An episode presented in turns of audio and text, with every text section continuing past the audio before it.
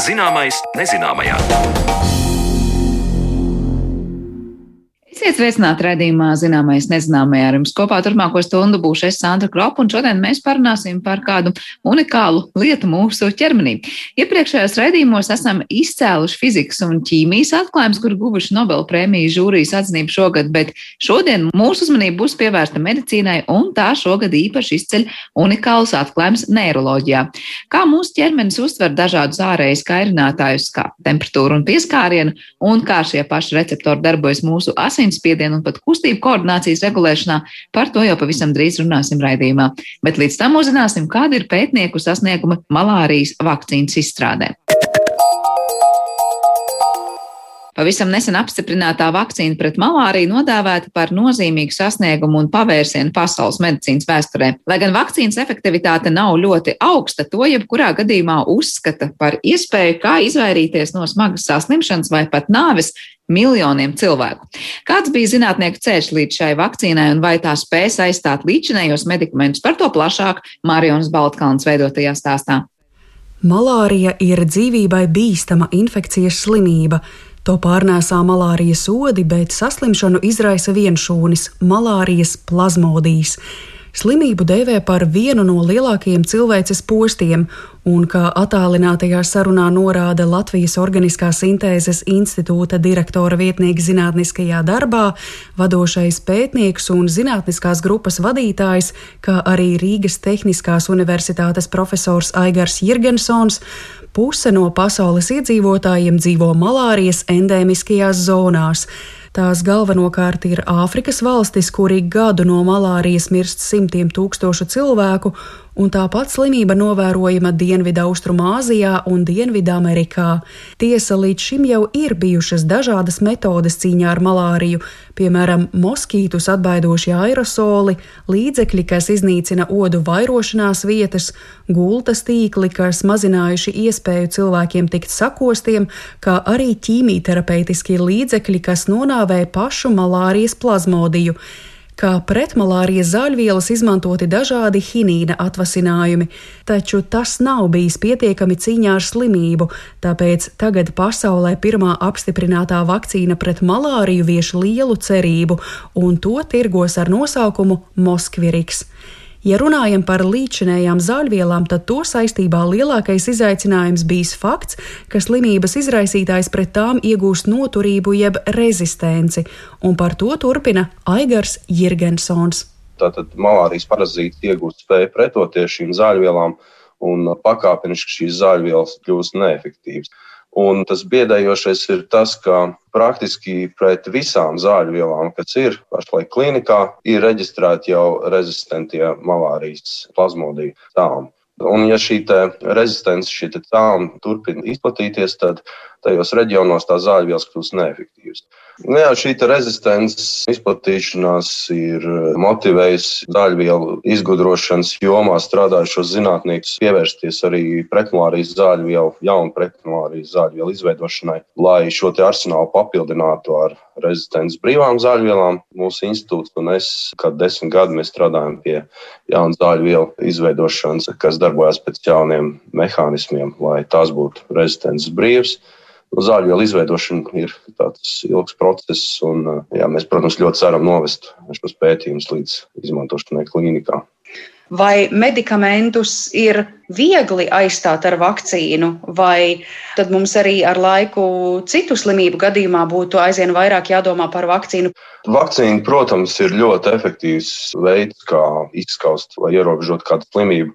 Un um, daudz slimību gadījumā tas ir izdevies pirmajās dzīves nedēļās bērns saņem pošu kokteili, un mēs pat nezinām, ka tādas slimības eksistē. Malārijas gadījumā zinātnieki ir strādājuši pie tā gadu desmitiem, lai izveidotu pretmalārijas vakcīnu. Īstenībā viņas tapšanas ilgums ir apmēram 30 gadi. Un, uh, tas ir tāds revolucionārs solis malārijas apkarošanai. Tā ir pirmā pretmalārijas vakcīna, kas ir ieviesta reāli klīnikā. Tas tiešām ir milzīgs solis pretī tiem centieniem, ko organizācijas, kas kontrolē malārijas slimības izplatīšanos, grib sasniegt. Pasaules veselības organizācijas strateģiskais mērķis ir samazināt saslimšanu ar malāriju 30. gadā par 90%, salīdzinot ar 2015. gadu. Tas ir ļoti, ļoti nopietni. Un, nu, šī vakcīna ir liels solis pretī šiem centieniem. Vakcīna, diemžēl, nav panacēja, viņa neizskaudīs malāriju. Vakcīnas efektivitāte ir apmēram 30%. Lai iziet pilnu vakcinācijas kursu bērniem, tur ir vajadzīgi 18 mēneši. Bet, eh, jebkurā gadījumā, paredzams, ka šī vakcīna samazinās ļoti nopietnu bērnu mirstību, ja bērni ir lielākā riska grupa malārijas saslimšanas gadījumos pusi no letāliem iznākumiem, lielākā puse ir tieši bērni. Un bērnu vakcinēšana tad būtu solis, kā to samazināt. Tās aplēses ir, ka tas novērsīs vairāk kā 20 tūkstošu bērnu mirstību gadā.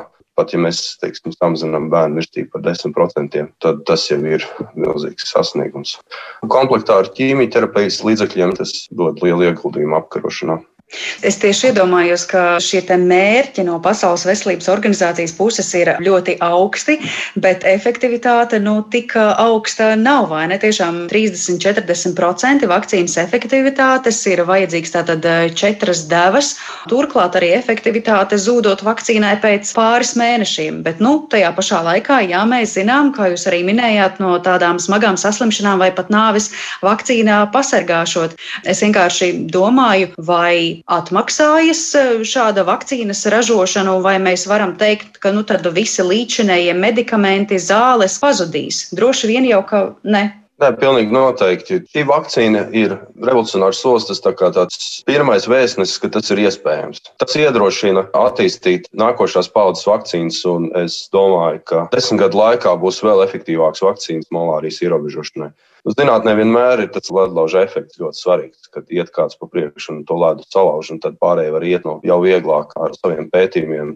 Jā, kas attiecās uz ķīmijterapijas līdzekļu izmantošanu, nu, pilnīgi noteikti uz doto brīdi tā nav zaudējusi aktualitāti. Mēs runājam par bērnu vakcinēšanu, mēs runājam par diezgan zemu šo vakcīnas efektivitāti. Jā, līdz, teiksim, vēl vairāku dažādu vakcīnu veidu ieviešanai jaunās paudzes, es domāju, ka ķīmijterapijas līdzekļi būs ļoti aktuāli. Un arī pēc tam viņi būs aktuāli, jo nu, tāpat tā efektivitāte nekad nebūs 100%. Tāpat ne visi pakļausies vakcinēšanas procesam. Nu, pašlaik ar to Moskvīrīgs ir pētījumi, kur kombinē gan prevencijas līdzekļus kopā ar vakcīnu bērniem. Ar šo te vakcīnu tas saglabāsies kā divas paralēlas lietas. Ja nākotnē izdotos radīt ievērojami efektīvāku vakcīnu, tad ķīmijterapijas nozīme samazināsies, bet viņi nepazudīs pavisam. Tā ka tas būs aktuāli gan pēc vakcīnu iedarbības beigām, gan tie, kas nesaņem vakcīnu, vai ne? Jā. Vīrusu vakcīnu gadījumā to efektivitāte būtu saistīta ar vīrusa mainību, tāpēc ir vīrusu izraisītas saslimšanas, pret kurām vakcīnu vēl nav, vai arī tās nav ļoti efektīvas bet, piemēram, šobrīd aktuālais koronavīruss nav tik ļoti mainīgs, tāpēc pret covid-19 saslimšanu radītās vakcīnas ir ar augstu efektivitāti. Kad jautāju, kāpēc malārijas vakcīnas efektivitāte ir 30 līdz 40 procenti, Aigars Jirgensons norāda, ka malārijas plazmodijas ir parazītisks vienšūnis ar ļoti sarežģītu dzīves ciklu. Līdz ar to izsekot līdzi tieši kurā brīdī ar vakcīnas palīdzību cilvēku organismā veidotos imunitāte ir pats lielākais izaicinājums bet iespējams vēl daudz lielāks izaicinājums ir nevis pati vakcīnas efektivitāte, bet gan komunikācijas darbs, lai panāktu to, ka cilvēki patiešām saņems četras vakcīnas devas. Jā, tas tā arī ir. Kā mēs redzam, pēc mūsu pieredzes, to, to nemaz nav tik vienkārši norganizēt. Nu, šī gadījumā ir runa par bērniem uh, un darbs ar bērnu vecākiem. Un tādās organizētās sabiedrībās tomēr bērni ir uh, medicīnas aprūpas kontrolē un varbūt vieglāk to ir nodrošināt. Āfrikas tās valsts, daudz no viņām, protams, ka tur būs problēmas ar to. To organizēšanu. Bet uh, es domāju, ja izdotos radīt uh, vakcīnu, kas ir viegli transportējama, termoizturīga, kurai pietiek viena deva, un tas būtu tāds tiešām liels izaicinājums to radīt, bet cilvēks strādā pie tā un būtu tā efektivitāte augstāka, ja būtu kaut kāds 60-70%, tad mēs tiešām varētu runāt par to, ka malārijas apkarošana ar vakcīnas palīdzību ir izdevusies. Nu, pagaidām tas ir ledlauža efekts. Sakiet, vispār, vai ir zināms jau kaut kādas citas iepriekšējas situācijas, kad ir radīta vakcīna pret šiem te vienšūnas organismiem? Jo pamatā mēs runājam par vīrusu vakcīnām, vai ne? Bet šajā gadījumā tā tad ir tas plazmodijas, un man godīgi sakot, nenāk prātā citi piemēri, kad vēl būtu šādas vakcīnas. Bakteriālajām infekcijām ir vairāk kā vakcīnas. Un ir arī pretvēžu vakcīnas, tādas arī tiek attīstītas. Un ir arī jau zināms, dažiem vēža tipiem ir vakcīnas. Arī tur tas virzās uz priekšu, jā? Jā. Un tad nākotnē, skatoties uz priekšu, tās vakcīnu tehnoloģijas ļoti pilnveidojās un ļoti daudz slimības, ko mēs pašlaik nevaram iedomāties, ka varētu novērst ar vakcinēšanu, nākotnē būs iespējams. Tās tehnoloģijas virzās uz to. Ja runājam par covid-19 vakcīnām, tad jāmin, ka to izstrādē ieguldīti vēsturiski apjomīgākie zinātnes, finanšu un cilvēku resursi, lai iespējami īsā laikā nodrošinātu kvalitatīvu vakcīnu izstrādi. Tiesa, pašu vakcīnu izstrādē lietotās tehnoloģijas ir pētītas un attīstītas jau gadiem. Aigaram Jirgensonam jautāju, kāpēc tas nav bijis iespējams malārijas vakcīnas gadījumā, lai gan arī šī saslimšana pasaulē atņem tik daudz dzīvību. Es domāju, tas lielā mērā ir saistīts ar uh, finansējumu, jo endēmijas zonās pārsvarā dzīvo cilvēki ar uh, diezgan zemu pirktspēju, un uh, gan zāļvielas, gan vakcīnas radīšana notiek ar dažādu labdarības fondu atbalstu ar farmaceitisko kompāniju labdarības iniciatīvām. Līdz ar to tas ir stipri tāds lēnāks process, tajā ir mazāk finansējuma. Tad arī tas ātrums nav tik liels, kā mēs redzējām arī Covid gadījumā. Bet nu, Covid ir vīrus un vīrusu vakcīnu radīšanai. Tur ir ļoti daudz dažādas tehnoloģijas, kas jau bija izveidotas pirms tam, un uh, viņas pa lielam vajadzēja adaptēt Covid gadījumā. Mm, tas it kā liek uzdot jautājumu, vai šis nav vēl viens riska faktors, ka vakcīna būs un zāļvielas būs, bet cik reāli tas cilvēkiem būs pieejams, cik daudz viņi to varēs saņemt eh, ar saviem ekonomiskajiem apstākļiem. Tur ir divi tādi lieli posmi. Viens ir zāļvielu vai vakcīnas radīšana, kas ir milzīgi dārgs process un prasa arī liels zinātnes resursus un atbilstošu finansējumu. Un otrs ir tad, kad tas ir atklāts, tad to saražot visu. Varbūt tajā ražošanas posmā, kā mēs arī redzam ar šo Moskvīriks eh, vakcīnu pret malāriju, ir izdevies piesaistīt finansējumu finansējumu no dažādiem fondiem un sekmīgi ražot vajadzīgās devas. Es domāju, ka ir eh, preparāts vai vakcīna apstiprināta, varbūt tas nebūtu tas pats grūtākais nodrošināt to vajadzīgo daudzumu cilvēkiem. Smagākais ir tieši jā, tas izpētes posms, tur ir jau izveidojušies tādi, var tā teikt, mehānismi, kā tas notiek. Tā nav tāda klasiskā zāļu vielu atklāšanas vai vakcīnu atklāšanas pieeja. Tur ir gan biznesa iesaistīts, gan labdarības fondi iesaistīti. Tas viss komplekss virza to ne tikai malārijas, arī citu slimību gadījumos, kur tā pacienta sagaidāmā pirktspēja nespēja nodrošināt atdevi pētījumos iztērētajiem līdzekļiem. Vakcīna tika pieregistrēta sešus gadus atpakaļ Moskvīrīts, un tikai tagad Pasaules veselības organizācija ir rekomendējusi bērnu vakcinēšanai pēc attiecīgo pilotu pētījumu veikšanas. Tas parāda šo lēno procesu malārijas apkarošanas jomā, kas ir lielā mērā arī saistīts ar finansējumu piesaisti. Par malārijas vakcīnas izstrādi un tās iespējām glābt no saslimšanas stāstīja Latvijas Organiskās sintēzes institūta direktora vietnieks zinātniskajā darbā, vadošais pētnieks un zinātniskās grupas vadītājs Aigars Jirgensons. Ar viņu attālināt tikās Mariona Baltkalna, bet raidījuma turpinājumā pievēršamies tam, kā mūsu organisms uztver temperatūru un pieskārienu. Mind is like a heavy hand, always making more of what really happened. A critical imagination, always working overtime. Maybe this is what the world will see a tiny little version of the tallest tree, an optical illusion of the human mind posing as a real life.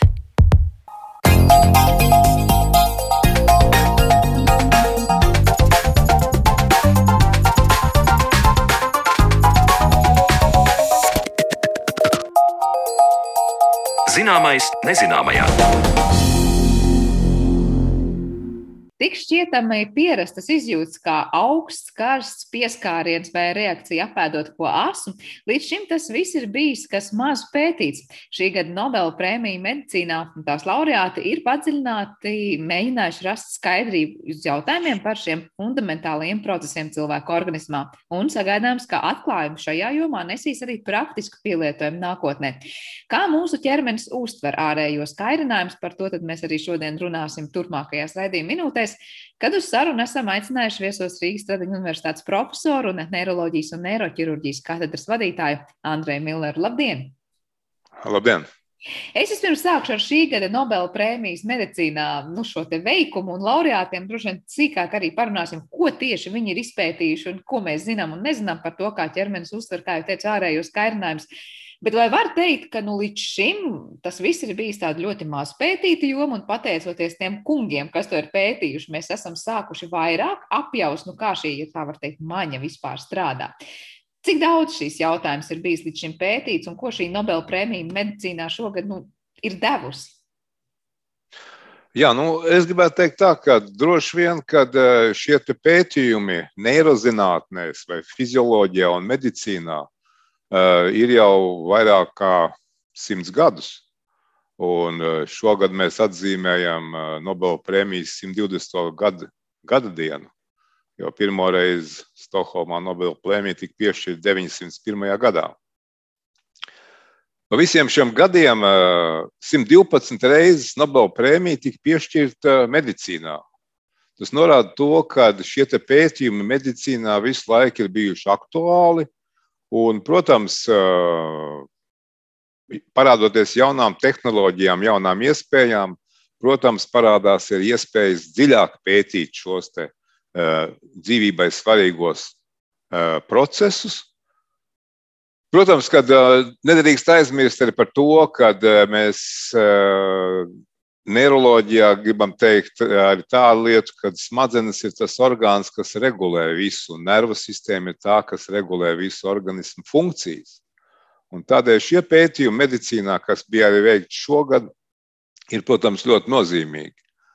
Un šogad šo Nobela prēmiju medicīnā tika piešķirta diviem amerikāņu zinātniekiem no Kalifornijas, Davidam Juliusam un Ardemam Patapausam no Skripskas pētījuma institūta, kuri bija pētījuši, kā siltums, augstums un pieskāriens izmaina šīs sajūtas tādā molekulārā līmenī, pētot dažādus specifiskus DNS fragmentus, ietekmējot viņus ar dažādām vielām. Tad zinātnieki sākotnēji mēģināja noskaidrot, kā šīs karstums ietekmē mūsu organismu atbildes reakcijas, kā augstums ietekmē mūsu organismu atbildes reakcijas un kā pieskārieni ietekmē organismu atbildes reakcijas. Šeit, ja vien jārunā, drusciņi jā, jāatgriežas pie mūsu anatomijas vai zināšanām par, par fizioloģiju, par somatosensorās sistēmas anatomiju, par jušanas veidiem. Un mēs zinām, ka ir šī vispusējā jušana, dziļā jušana, arī sarežģītā jušana. Un ir vairāk neironu ķēdes, kas nodrošina šo procesu. Mēs noteikti ikdienā neizdomājamies, jo liekot pēdu uz zāli vai taisnot otrādi uz asu priekšmetu, mēs tikai sajūtam sāpes vai patīkamas sajūtas. Bet šie impulsi no šīs kājas tiek novadīti pa dažādiem traktiem, dažādām muguras smadzeņu un galvas smadzeņu struktūrām līdz galvas smadzeņu garozē, kur mēs saņemam šo atbildes reakciju. Nu, e, par šīm sajūtām e, es gribu teikt, to, ka tas ir ja pētniecība par sajūtām jau ir sākta 17. gadsimtā. Renē de Kārs, teiksim, saredzēja saistību starp cilvēku ādas daļām un smadzenēm. Un, toreiz aprakstīja, ka pēda, kura pieskarās ugunim, sajūt nepatīkamas sajūtas, sāpes. Tādējādi teiksim, šo pēdu mēs no uguns atraujam. Protams, daudz kas ir mainījies, jo mēs zinām šīs neironu ķēdes, vairāk šos neironu posmus. Ja? Bet, jebkurā gadījumā, mums ir svarīgi, teiksim, lai mēs saprastu vai atrastu šos specifiskos, specifiskos DNS fragmentus, kas par šīm sajūtām ir atbildīgs. Un šie zinātnieki pievērs tieši uzmanību šiem fragmentiem, meklējot tos. Un šajās publikācijās, kas tika publicētas saistībā ar šiem pētījumiem, tika aprakstītas, kā šie specifiskie DNS fragmenti reaģē uz karstumu. Un šie zinātnieki izmantoja arī temperatūru, kā arī izmantoja čili piparus, kas satur kapsikaīnu, kas izsauc organismā tādu karstuma sajūtu. Ja? Un tas palīdzēja, neraugoties uz to, ka šie gēni tika meklēti ļoti daudz, tas palīdzēja atrast parast, pareizo šo DNS fragmentu, kurš vēlāk ieguva nosaukumu atbildīgais obaltums, kas, kas, iz, kas izsauc šos atbildes reakcijas, tika nosaukts par TRPV1 un TRPV2.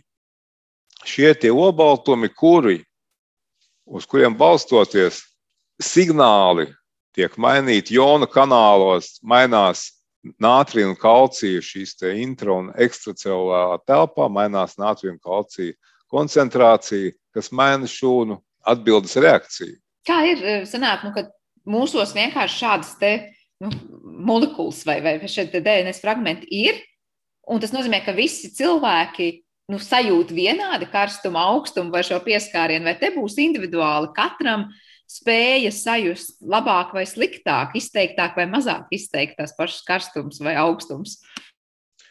Jā, tas ir ļoti labs jautājums, un droši vien kaut kāda atbildes nevarēšu sniegt šodien. Bet to, ko zinātnieki, tad, tad šie pētījumi notika uz spēlēm. Un, protams, vienmēr mums jābūt droši vien varbūt piesardzīgiem sākotnēji, vai, vai šie te, pētījuma rezultāti būtu tādi paši, ja tie notiktu uz cilvēkiem. Taču jau šobrīd notiek dažādi pētījumi, papildus pētījumi, un dažādi zinātnieku grupas strādā pie tā, eh, un mm, kā šīs temperatūras un mehāniskie stimuli eh, tiek pārveidoti un koordinē nervu sistēmas atbildes reakcijas. Tad atbildes reakcijas tiek nu, vairāk vai mazāk eh, saistītas ar šiem stimuliem. Un pie kaut kāda gēna mutācijām, pie saslimšanām, šīs atbildes reakcijas ir izmainītas. Un šeit ir tā pievienotā vērtība tajā medicīnā, ka nākotnē droši vien atpazīstot šīs mutācijas, atpazīstot šos fragmentus, DNS fragmentus, un iespējams uh, mainot vai izmainot viņus, mēs varēsim izvairīties no šita, šīm slimībām, ar kurām šobrīd mēs sastopamies. Un bieži vien šīs atbildes vai terapeitiskās atbildes reakcijas mēs nevaram sasniegt, ņemot vērā to, ka neiroloģijā ir ļoti daudz slimības, kur mums nav šī etiopatoģenētiskā ārstēšana. Mums pietrūkst vēl zināšanas par šiem trigger faktoriem. Bet, ja tā vienkārši runājam par kurām vairāk vai mazāk saslimšanām mēs šobrīd runājam tieši konkrēti šo atklājumu kontekstā. Es saprotu, tur publikācijās skatoties, par ko tiek piešķirta prēmija, bieži tiek piesaukts, o, mēs tur varētu palīdzēt cilvēkiem, kuriem ir kroniskās sāpes vai kā citādi. Kāda tur ir šī saistība? Varbūt jūs varat tā pavisam vienkārši izskaidrot, kas saista šo sajūtu par karsts, augsts un es nezinu, vēl kādām citām sajūtām, un to vai cilvēkiem ir tās kroniskās sāpes. Tad, tad Šī gada tā prēmija, Nobela prēmija, tika piešķirta par diviem šiem receptoriem. Par diviem receptoriem. Viena bija atbildīga, kā jau es minēju, par, par temperatūras un augstumu, kur tika izmantots gan kapsikaīns, gan mentols. Un otra bija tā saucamie piezo receptori. Tas nozīmē, ka ietekmēja spiedienu, tad šūnas membrānas spiedienu, kā rezultātā atvērās šie jonu kanāli. Ja mēs runājam par šiem te temperatūras, un, uh, augstuma un karstuma sajūtām, tad, protams, šeit ir jautājums par neiropātiskām sāpēm, ar kurām pacienti bieži vien mokās. un kur terapijas efektivitāte nevienmēr ir pietiekoši laba. Šeit ir runa par, par iekaisīgiem procesiem, šeit runa arī par ķermeņa temperatūru. Jo šie jonu kanāli atverās arī un aizverās pie paaugstinātas temperatūras virs 43 grādiem, kā aprakstīts šajās publikācijās. Ja mēs runājam par šiem spiediena propriocepcijas uh, receptoriem, piezo 1 un piezo 2, par kuriem arī bija uh, piešķirta Nobela prēmija šogad. Tad tur, protams, mums jārunā arī par to, ka tie ietekmē, ietekmē gan asinsspiedienu, gan elpošanu, gan sirdsdarbību. Tie ietekmē arī urīna pūšļa darbību. Jo izdarot dažādus spiedienus un, un reaģējot uz šiem kanāliem, atveroties un aizveroties, mēs varam izprotot šīs mehānismus, mēs varam droši vien pietuvoties šādiem etiopatoģenētiskiem ārstēšanas mehānismiem. Bet vai tas nozīmē, ka šie receptori, tātad, lai sajustu šo labu temperatūru un arī spiedienu patiesībā, ir ādā vai ne obligāti tikai ādā? Jo es iedomājos, jūs sakāt, tas ir saistīts arī ar asins spiedienu un urīnu pūslu, un nu, visticamāk, tas ir tikai par ādu. Ka, ko mēs zinām, kur šie receptori mūsu organismos ir izvietoti vairumā gadījumu? Tad, tad vairāk vai mazāk bija runa par šiem ādas receptoriem, bet te pušā, te pašā gadījumā, kā jau jūs pareizi teicāt, šie te receptori atrodas arī iekšējos orgānos. Un, protams, ka eh, šo receptoru atpazīšana un eh, šo receptori nebūtu nav teiksim, tikai tie receptori, par kuriem tika saņemta Nobela prēmija. Ir ļoti daudz receptori. Un eh, šis receptors TRVP1 ir receptors, kurš vienīgais ir jūtīgs uz to kapsikaīnu. Tad šie zinātnieki atlasīja ļoti daudz receptorus un atrada tikai vienu, kurš ir jūtīgs un kurš varētu potenciāli noderēt nākotnē, eh, teiksim, eh, ārstējot vai saprotot labāk šīs saslimšanas vai, vai eh, šīs patoloģiskās izmaiņas organismā. Arī šim receptoram vai obaltu vienam DNS fragmentam, par kuru es runāju, TR PV1 ir sešas transmer, transmembrālās domēnas. Tas nozīmē, to, ka viņš arī ir pietiekoši sarežģīts. Ja?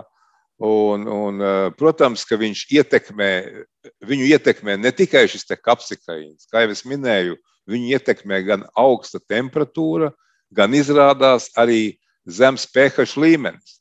Tas nozīmē, to, ka tas ir dažādu faktoru kombinācijas. Un droši vien arī mūsu slimības bieži vien ir multifaktoriālas, un to mēs zinām. Un nevienmēr mēs šos te faktorus teiksim, atpazīstam, bet jebkurā gadījumā šie pētījumi noteikti palīdzēs mums atpazīt šos te uh, etiopatoģeniskos momentus, varbūt arī palīdzēs mainīt nākotnē šos gēnu fragmentus. Tiem pacientiem, kuriem ir bojājumi šajos receptoros, un kuriem ir šīs kliniskās izpausmes. Bet tas, ko es līdz galam nesaprotu, nu, piemēram, ja cilvēkiem ir bojāti šie receptori, un uh, tad es saprotu, viņi tajā brīdī nesajutīs tik labi to karstumu, vai augstumu, vai spiedienu. Kā tas noved pie tām sajūtām, ka cilvēkam ir tās kroniskās sāpes, piemēram? Man atvainojos par muļķīgu jautājumu, nav skaidrs, kā tas sajiet kopā. Nu, droši vien jau, kad uh, Kā jau es minēju, šie jušanas trakti un, un, un arī sāpju ceļi eh, bieži vien eh, viņi ir izmainīti, jo, kā jau es teicu, pie neiropātiskām sāpēm šie mehānismi arī vēl līdz galam nav izpētīti. Tā pašā laikā ir daudz pacienti ar hroniskām sāpēm, eh, kuru šie te terapeitiskās ārstēšanas metodes ir nepārāk efektīvas. Vienmēr sakot, sanāk, ka tajā brīdī ārstē kaut kādas sekas, nevis cēloni. Ja cilvēkam tajā brīdī ir traucēts konkrētā receptora darbība, ja, vai tur ir izmainīts tas DNS konkrētais kaut kāds fragments. Tā. Fragments, jā. Nu, tad, tad mēs nezinām, bieži vien pie dažādām neiroloģiskām slimībām mēs līdz galam nezinām šos etiopatoģeniskos faktorus.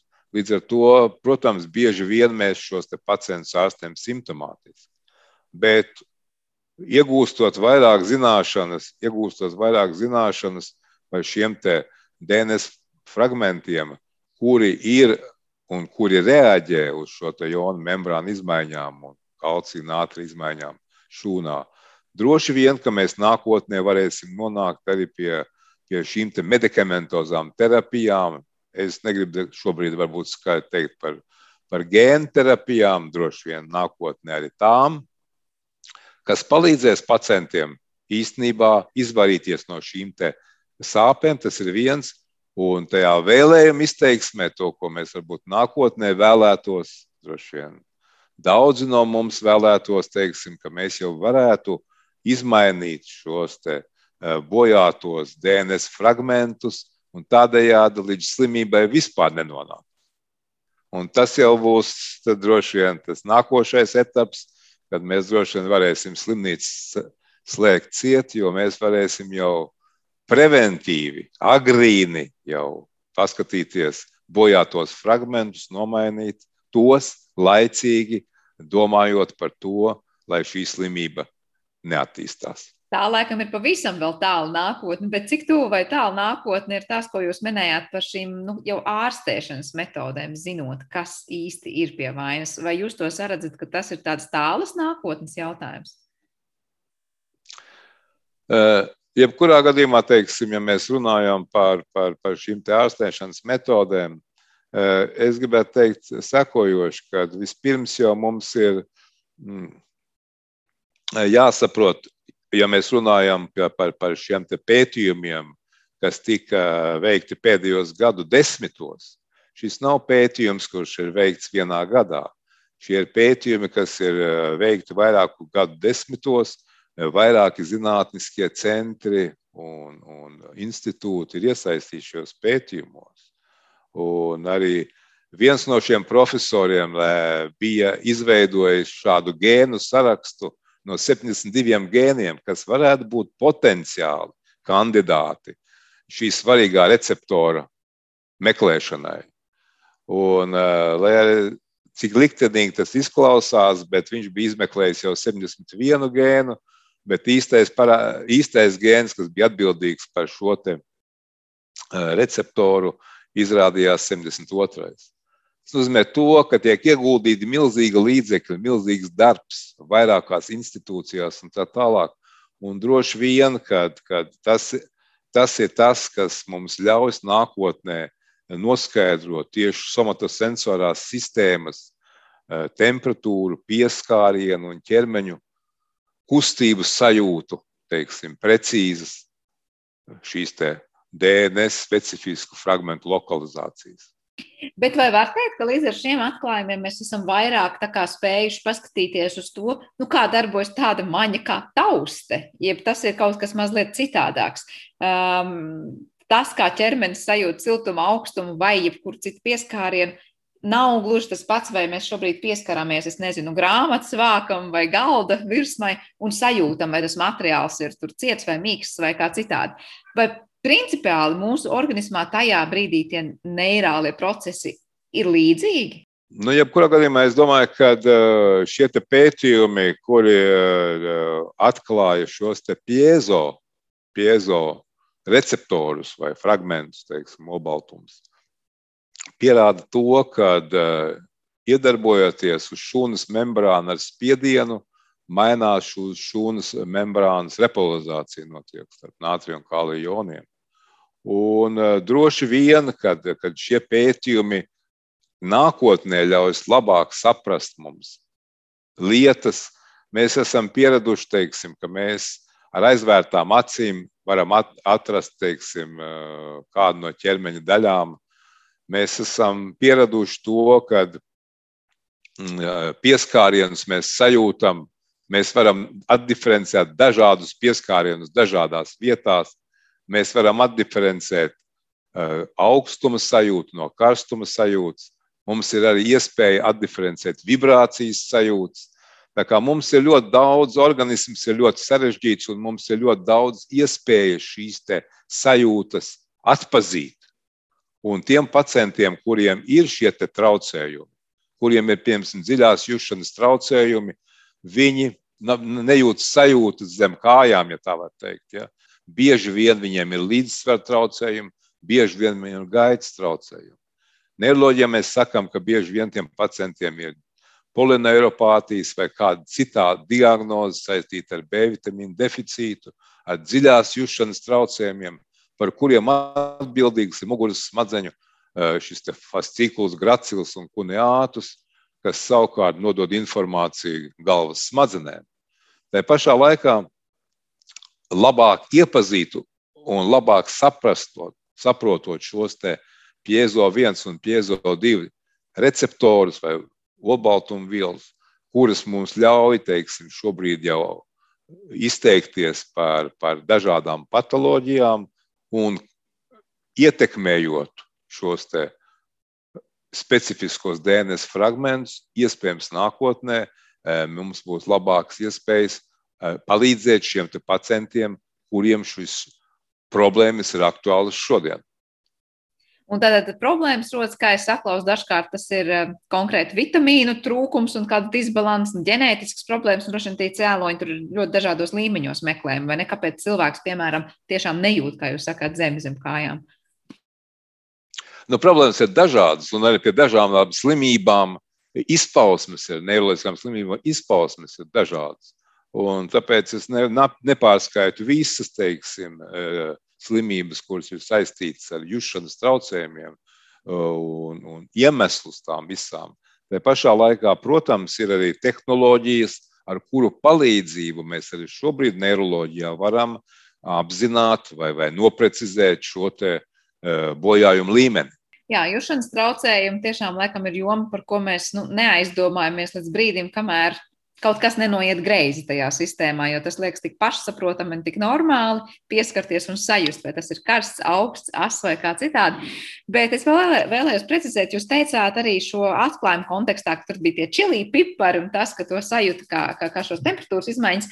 Ar ko skaidrojams tas, ka, piemēram, mentola garšu mēs sajūtam kā augstumu, un, piemēram, apēdot ko asu, nu, lai tie būtu čili pipari, Mums pavisam noteikti organisms pat reaģē tā, ka paliek karsti. Kas tur slēpjas? Kāda ir tā jūšanas anatomija šo te temperatūras un garšu kontekstā? Cik daudz par to ir zināms?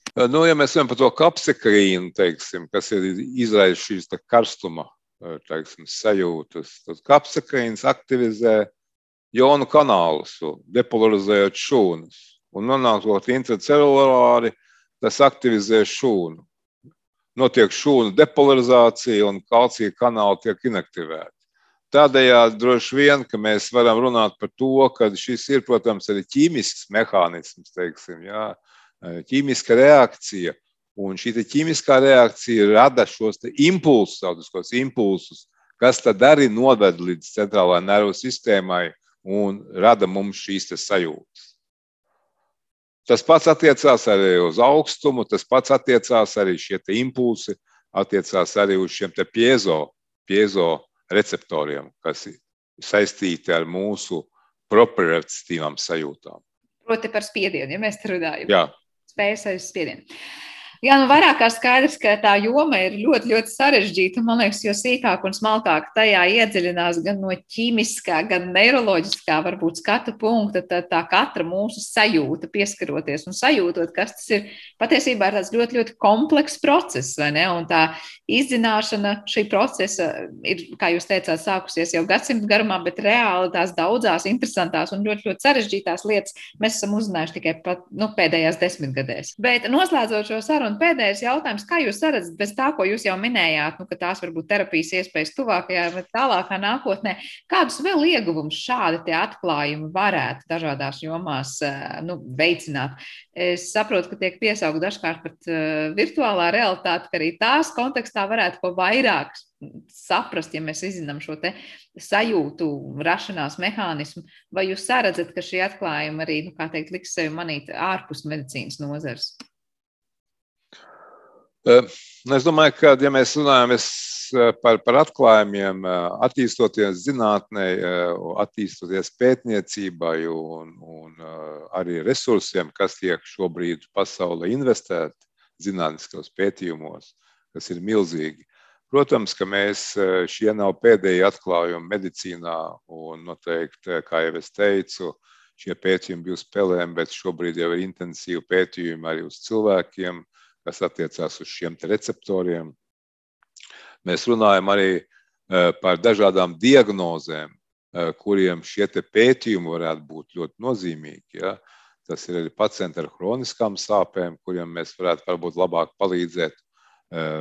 Tie ir pacienti ar, ar, ar dažādām citām, arī iekšējo orgānu slimībām. Tie ir pacienti, ja pašā laikā ar glaukomu, kā jūs zināt, kur izmainās acis spiediens un tā tālāk. Tad, tad, kā jau es teicu, daudzas lietas medicīnā šobrīd daudzām diagnozēm ir vairāk vai mazāk skaidrojumi, vai mēs esam tuvāk šo diagnozi etiopatoģenētiskai ārstēšanai. Un man ir prieks, ka uh, mēs varam šodien pacientiem labāk palīdzēt. Pirmām kārtām jau palīdzēt diagnostikā, otrām kārtām palīdzēt arī terapijā, uzlabojot pacientu dzīves kvalitāti, tādējādi teiksim, atgriežot pacientus sabiedrībā bez invaliditātes pazīmēm, atgriezt sabiedrībā, atgriezt ģimenē, kas, protams, ir nozīmīgi gan ģimenes locekļiem, gan sabiedrībai kopumā. Jā, nu cerības tiešām tiek liktas lielas, un tas varētu ļoti palīdzēt ļoti daudziem cilvēkiem uzlabot dzīves kvalitāti un visu to, ko jūs tik, tikko jau minējāt. Paldies jums, ka palīdzējāt nedaudz ieskicēt to, par ko ir piešķirta šī gada Nobela prēmija medicīnā un to, cik ļoti patiesībā sarežģīta un interesanta maņa ir mūsu tausti un viss, kas ar to saistīts. Uh, atgādināšu mūsu klausītājiem, ka mēs šajā raidījuma pusstundā dzirdējām Rīgas Tradiņu universitātes profesoru, neiroloģijas un neiroķirurģijas katedras vadītāju Andreju Milleru. Ar to arī raidījums ir izskanējis un par to parūpējās producents Paula Gulbinska. Uh, mūzikas redaktors šai stundai bija Girds Bišs, savukārt ar jums kopā bija Sandra Kropa. Vēlot visiem jauku dienu, no jums atvados un uz tikšanos!